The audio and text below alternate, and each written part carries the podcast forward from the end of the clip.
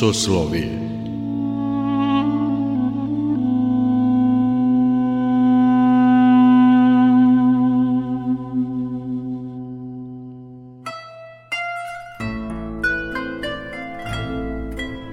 Slušate Soslovije, religijski nedeljnik Radio Novog Sada.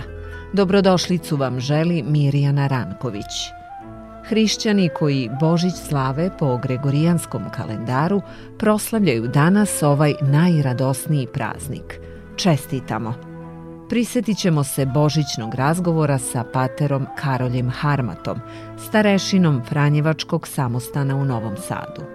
U katoličkoj liturgiji su zapravo tri svete mise prilikom Božića koje izražavaju otajstvo misteriji Božića. Prva misa je polnočka, redovito se drži u pola noći, a tamo gdje životni uvjeti drugačije diktiraju život vjerske zajednice, tamo se slavi prije tako i recimo u našoj crkvi.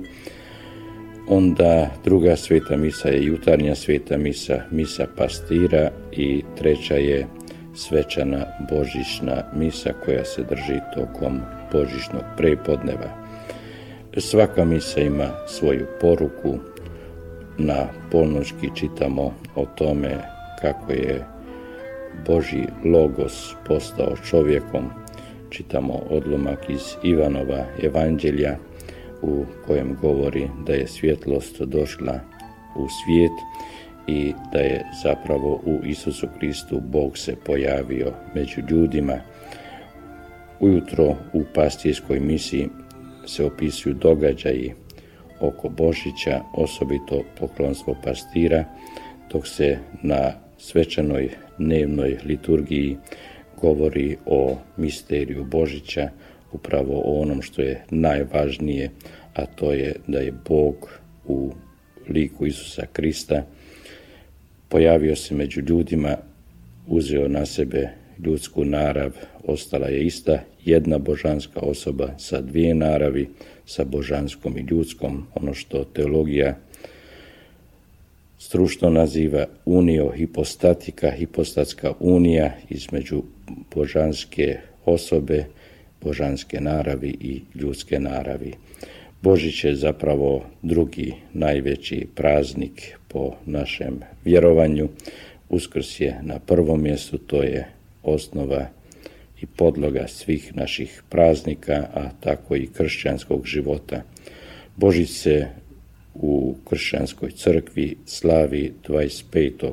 decembra, znači na fiksni datum, prvi put se početkom 3. stoljeća 2004. kod Hipolita spominje da se Božić slavi 25. decembra, a tek kasnije u četvrtom stoljeću je postao običaj, pa čak recimo tako i propis da se Božić slavi 25. decembra.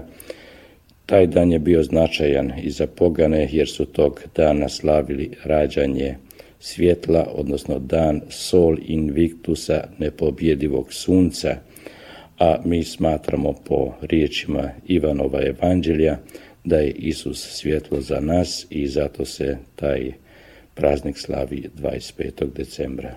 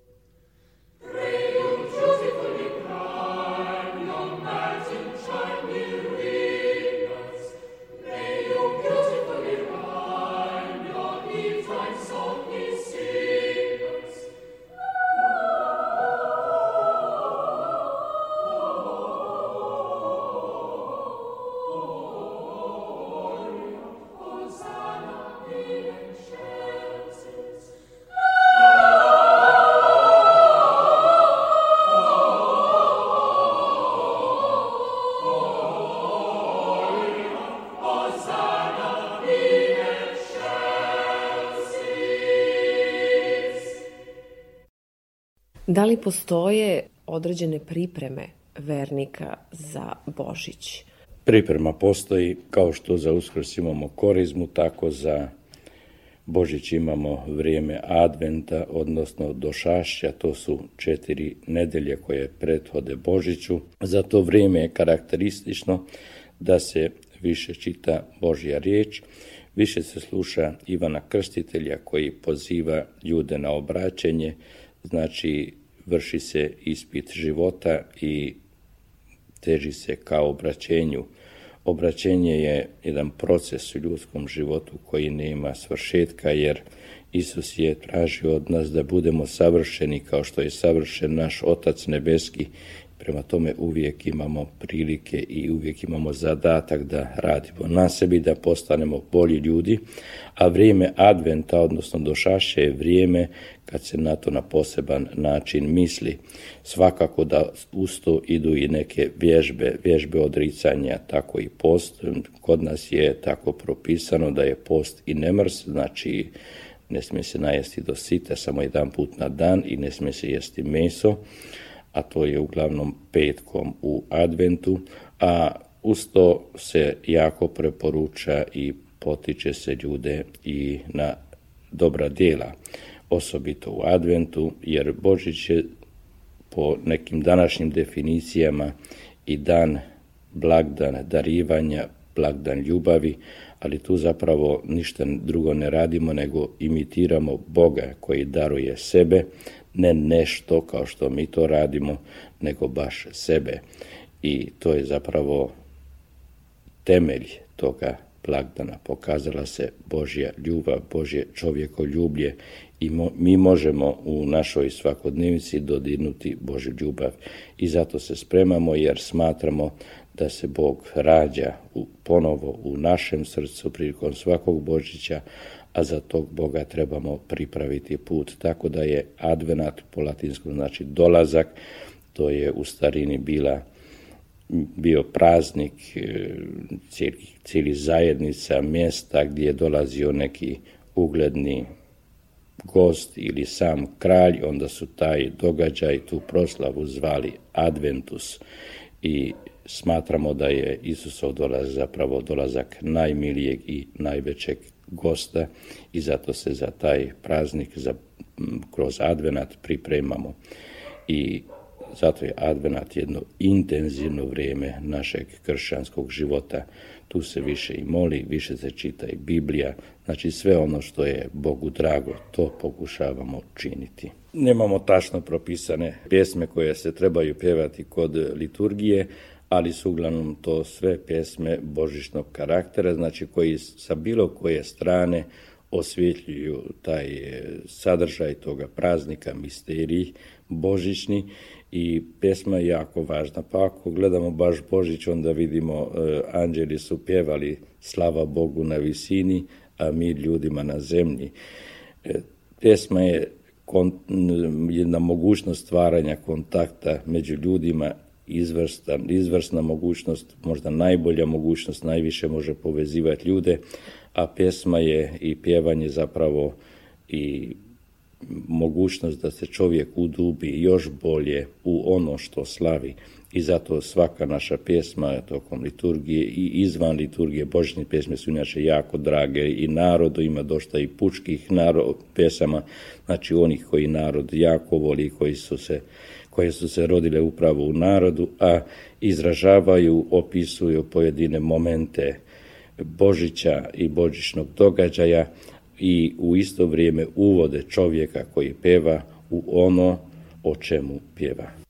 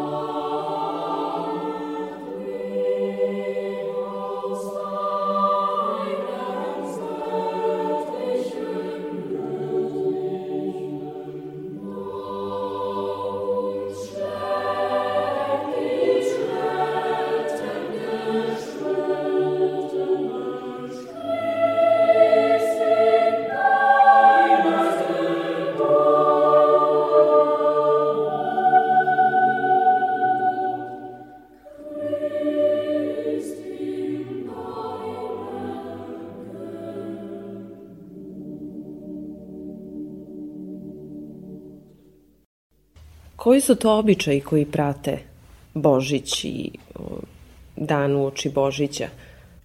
Ima mnogo narodnih običaja koji prate Božić. Ono što je u crkvi najuošljivije, u, uglavnom u svakoj katoličkoj crkvi, a to su jaslice. Jaslice su zapravo imitacija Betlehema. Želi se dočarati čovjeku koji dođe u crkvu mjesto događaja.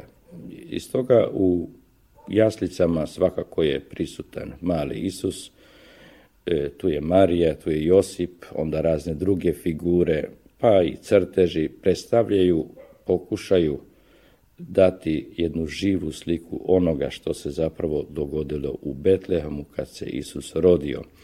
Običaj jaslica je nastao u 13. stoljeću zahvaljujući osnivaču našeg reda, svetom Franji Asiškom koji je bio osnivač Franjivaškog reda, koji je imao veliku pobožnost prema Kristovom utjelovljenju. On je živio u oči renesanse i već je u sebi osjetio da na poseban način treba Boga približiti ljudima. Bog ne može biti stran čovjeku i on je na svaki način pokušavao da slavi gdje god je to mogao Kristovo čovještvo, znači da je Bog postao čovjekom, postao dodirljivim, to je za njega bilo jako važno i tako se dogodilo da je u Greću, u srednjoj Italiji, zamolio tamošnjeg posjednika da mu dozvoli da u jednoj špilji e, proslavi Božić i to na taj način da je doveo živog vola, živog magarca, kravu, napravio tamo jaslice, pozvao narod da dođu slaviti u tu pećinu, da dođu slaviti Božić, a on budući da je bio samo đakon, on je propovjedao za vrijeme te proslave, a zapisali su njegovo, njegovi život, životopisci da su mnogi u njegovim rukama vidjeli Isusa kao da se pokazao mali Isus i od onda se u katoličkoj crkvi raširio običaj da se znači napravi imitacija Betlejemskog događaja. To je interesantno i za djecu, bolje dočarava mjesto, a za nas ljude koji smo i vizuelni tipovi, za nas je to važno da i vidimo šta se događa i da osjetimo u srcu, a onda da i izvana vidimo. To nije čašćenje nekih figura ili figurica koje predstavljaju taj događaj, nego je zapravo pomoć da se što bolje uživimo u stvarnost Kristova utjelovljenja. Želja mi je kao vjernika da svaki slušalac i ove emisije svati i prihvati činjenicu da Bog želi dodirnuti svakoga čovjeka u srce, da nam želi donijeti mir i Velika, velika mi je želja uvijek cijelog života da prihvatimo tog Boga. I onda će biti mire među nama, bit će više razumijevanja i u našim porodicama i među raznim narodima i narodnostima. Biće više primirja, ljudi koji su možda bili u svađi, imaju priliku da se ovom prilikom izmire, da oprostimo jedni drugima, da pokažemo da smo shvatili bit Božića, a to je da Bog voli čovjeka.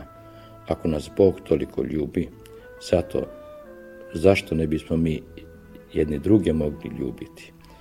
Ako Bog svakoga od nas toliko cijeni, onda nemamo pravo na to da mi ne cijenimo jedan drugoga. Bog nas je stvorio ljudima, ne anđelima, znači ljudima koji imaju i svojih problema i poteškoća, Međutim, ne smijemo ostati pri toj konstataciji, nego se trebamo ugledati na Boga, ići naprijed, postati bolji i ja bi bio jako radostan kad bi ovaj Božić, a i ova emisija pomogla nekom da krene boljim putem, putem razumijevanja i mira, putem ljubavi, putem radosti i putem svega onoga što ovaj Božić poručuje svima.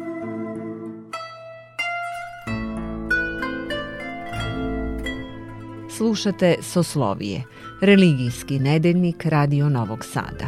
Pravoslavni hrišćani koji poštuju julijanski kalendar danas proslavljaju sećanje na svetog Spiridona. Stolećima je sveti Spiridon bio jedan od najpoštovanijih čudotvoraca u srpskom narodu, o čemu svedoče freske, ikone i hramovi koji su mu posvećeni, a jedno čudo desilo se kolegi, reditelju Goranu Vukčeviću. To je bio povod za razgovor sa njim. Znamo da je Sveti Spiridon zaštitnik krfa. Kada si ti prvi put bio na krfu i kada si zapravo prvi put otišao u crkvu posvećenu Svetom Spiridonu i da se čuvaju mošti? Negde 2002. Kad, da sam prvi put otišao privatno na krv, kasnije sam išao i zbog snimanja, tri puta još i onda još jednom opet e, iz lične potrebe da obiđem Vido, Plavu grobnicu, e, Muzej Srpska kuća.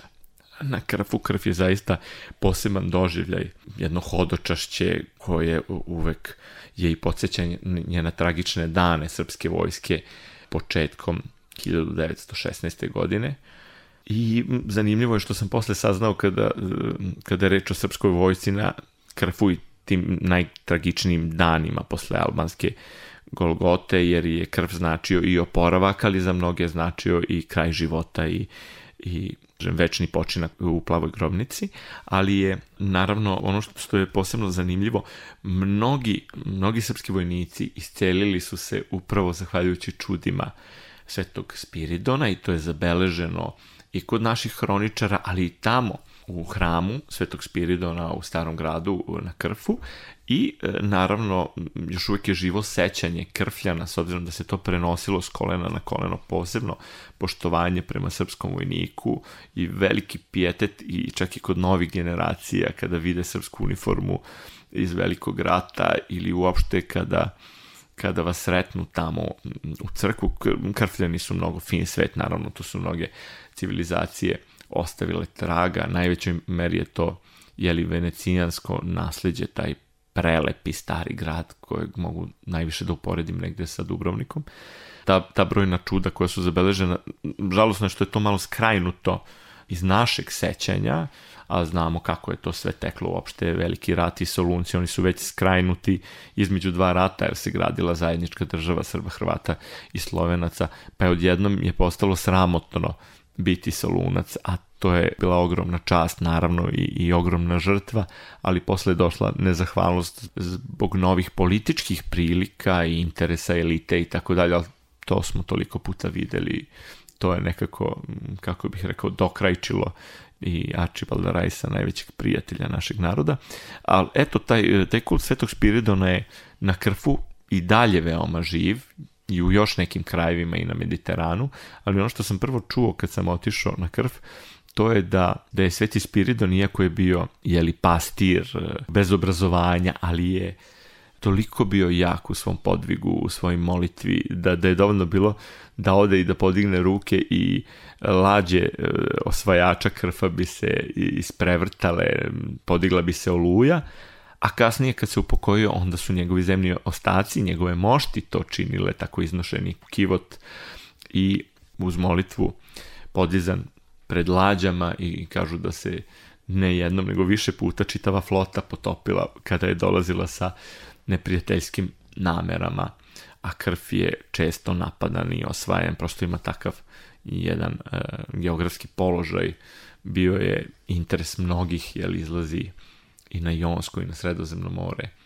Zaista čarobno ostrvo, savjetujem svakom ko ode na krv, osim što će obići e, svakako Vido i Plavu grobnicu, da ode i u crku Svetog Spiridona, mošti su uvek dostupne za celivanje, otvorene, ti si imao priliku da ih celivaš. Jeste. I desilo se i tebi jedno čudo. Da, da, ispričat ću i to čudo, ali ono što je meni pre svega bilo interesantno vezano za mošti Svetog Spiridona, imaju temperaturu 37, dakle, svetitelj je neprestano živ, onda obuća platne na te neke patikice koje mu se preslače svake godine, to se isecka na sitne, sitne e, deliće, interesantno je da su one uvek zaprljane po džonovima da svetitelj u stvari šeta, ide, pomaže, kadi po hramu. Tako su mi govorili neki, čak sam imao prilike da sa nekim svedocima, vezano za neke druge svetitelje, za svetog Dimitrija, sam pričao sa bakom koja je dežurala 24 časa kada je tamo bila trojručica krajem 93. godine. One su, nekoliko njih je to videlo. To može sad neko da kaže da je to kolektivna halucinacija, ali apsolutno verujem u njihovo viđenje Svetog Dimitrija. Pa sam pričao sa jednom ženom koja je u Ostrogu doživjela u srednoći da se probudi i da, i da vidi svetitelja u odeždi kako kako kad i šeta prolazi i nije nikom žela da kaže da ne bi bila ismejana. Zanimljivo je da je žena potpuno iz druge konfesije. Dakle, otišla je iz velikog poštovanja tamo i, i to doživela. E, I tako isto, dakle, Sveti Spiridon je živ svetitelj kao i svi svetitelji, ali eto, on spada u, u te brzo pomoćnike, poput recimo Svete Petke, Svete Matrone, e, prepodobne Ksenije Petrogradske, to su ti, e, to mi je jednom prilikom govorila igumanija Petkovice Antonina o tim brzim svetiteljima, kao što ima i ona ikona brzo pomoćnica u Dohija, slušnica ili Gorko i Pikos je zovu a to sve znači bogorodica koja je inače brzo pomoćnica sama majka Božja je uvek neko ko, prvi pritekne nevoljnicima u patnji, u, u pomoć im pritekne, jeli, zato je taj njen kult ne samo u Grčkoj, ne samo na Svetoj gori, nego mnogo e, raširen e, širom e, hrišćanskog sveta. Dakle, sam sam se uverio E, kada smo snimali film o Archibaldu Rajsu, jedan mali deo tog filma snimali smo i na Krfu i razgovor sa jednim krfljeninom, inače uglednim istoričarom grčkim, koji uvek leto provede u svom, na svom rodnom ostrvu. Naravno, vremešan, ali veoma zdrav, jer zdravo žive i e, kada smo, kada smo snimali, to je bilo kratko nešto, na dve noći smo samo boravili u trku na krfu i pokušavajući da eventualno živimo boravak vojske, dolazak vojske, mi smo nešto u uniformama snimali neke dramatizovane scene, neke kadrove, neke slike, onako preko leđa i preko, preko šajkače srpskog vojnika i, i nešto cokole kao kako su koračale po istom tom kamenu kada su stigli srpski vojnici napaćeni i onda sam imao te cokule, pošto jelice, čitava ekipa je bila naš četvorica e, onda smo sami bili na neki način i, i, i statisti i učesnici. I tu kao protagonista nosio sam jeli te cokule, što je vrlo nezgodno na krfu, jer je taj kamen toliko izlizan, tolikim koracima, toliko je klizavo, a originalna obuća srpskog vojnika inače ima dole e, metalne, metalne te elemente koji su po čitavom džonu. I ja sam zaželao da ode, međutim stalno smo nešto snimali i rekli su, e, producent mi je govorio posle ćeš, posle ćeš, ćeš, ima vremena, posle ćeš, ne može sad, a crkva je bila neprestano otvorena i stalno je bio neki red kod moštiju. Ja sam naravno želeo da nikako ne odem ni ovoga puta sa Karafan ni tada, dakle to je 2000 recimo 14 e, da ni tada ne odem bez, bez poklonjenja svetitelju, bez celivanja moštiju. I na kraju je ispalo da nije ostalo vremena i da moramo da žurimo na trajekt, imamo kartu, vraćamo se sve nešto vezano, opet bilo sa povratkom u Solun, sa tamo snimanjem. Uglavnom, rekao je producent, pa drugi put ćeš, kad dođeš, nije važno, ja sam rekao, ne, meni je jako važno, makar ostao na krfu, pa posle jurio neki prevoz, pa sam se vraća u Srbiju. To mi je mnogo, mnogo važno. I utrčao sam na sobstvenu inicijativu, mislim, žurnim korakom sam ušao u hram, u toku je bilo krštenje, e, krštavala se jedna beba i prišao sam, dakle, mošti su u desnom delu oltara, ulazi se taj deo je otvoren, naravno prođe se kroz ikonostas, ulaze čak i žene, takav je blagoslov, jer je to prosto jedan, e, jedan potpuno bočni deo oltara. Uglavnom, stao sam u red, kad sam shvatio da će me to mnogo zadržiti, zatražio sam od, uglavnom su bile žene i bilo ih je jedno 15-ak recimo, ja sam zamolio da, da me puste preko reda jer, sam iz Srbije, jer kasnim. Na krv naravno imali su puno poštovanje prema srpskoj uniformi koja je bila na meni iz, iz velikog rata i e, propustile su me. A u toku je bilo pogružavanje ove bebe, sveštenik je ovaj pogružavao novorođenče i to se sve dešavalo, u, kako bih rekao, sve se dešavalo u, u dva minuta. Ja sam prišao, celivao i onda odlučio da se zahvalim i da trčećim korakom se priključim svojoj ekipi koja je išla ka izlasku iz starog grada ka parkingu i tog momenta sam se ohliznuo, pošto je, ali zaboravio sam koliko je klizavo i koju obuću imam na sebi i samo sam video svoje cipele negde u visini od metar i leteo sam kroz hram jer to ima ovako dva nivoa naravno, sve je to od vrlo uglačanog i izlizanog e, mermera, jer su mnoge, mnoge, mnoge službe bile tu isto na istom tom kamenu. I ovaj, naravno već sam vidio da sam, da sam, da sam vidio sebe razbijenog sa prelomima. Međutim, pao sam, ali nisam osjetio ni najmenji bol nigde, nisam se ugruvao, nisam udario glavu, nisam imao čvoruge, nisam imao nikakve povrede, iako je to bio jedan tresak, koji je čak prekinuo pogružavanje bebe. Sveštenik je pogledao u mom pravcu, bilo me je beskreno Sve je bilo vrlo glamurozno, a ja sam tresnuo i neke žene su vrisnule, misleći da sam ovaj, verovatno teško povređen. Međutim, ustao sam. Samo mi je bilo neprijatno, izvinio sam se što sam eto prekinuo sam ceremoniju krštenja svojim, jeli, svojom tom nezgodom i svojim padom. I izašao i kako sam nastavio malo sporije do duše da ne bih ponovo pao ka izlasku iz starog grada opet klizavim, klizavim e, kamenim trotoarom. Shvatio sam da, da se dogodilo u stvari čudo, da i ja nigde ne osjećam ni najmanji bol, a da sam sa neke visine, kako da kažem, od možda i blizu metar tresnuo i, i rukama i nogama i glavom. I eto, i onda sam pomislio, pa eto, čudo svetog Spiridona, e, podmetnut mi je nevidljivi jastuk koji učinio da se ne povredim. To je ono kao kad vam čaša padne samo sa 5 e, e, cm, pa se razbije u paramparčad ili, ili tresne o kameni pod, pa se ne razbije.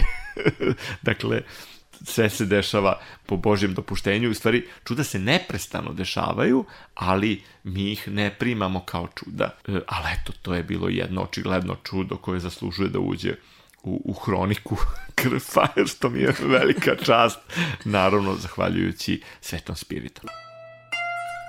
Slušali ste Soslovije, religijski nedeljnik Radio Novog Sada. Emisiju realizovali Ton majstor Damjan Šaš urednik i autor Mirjana Ranković.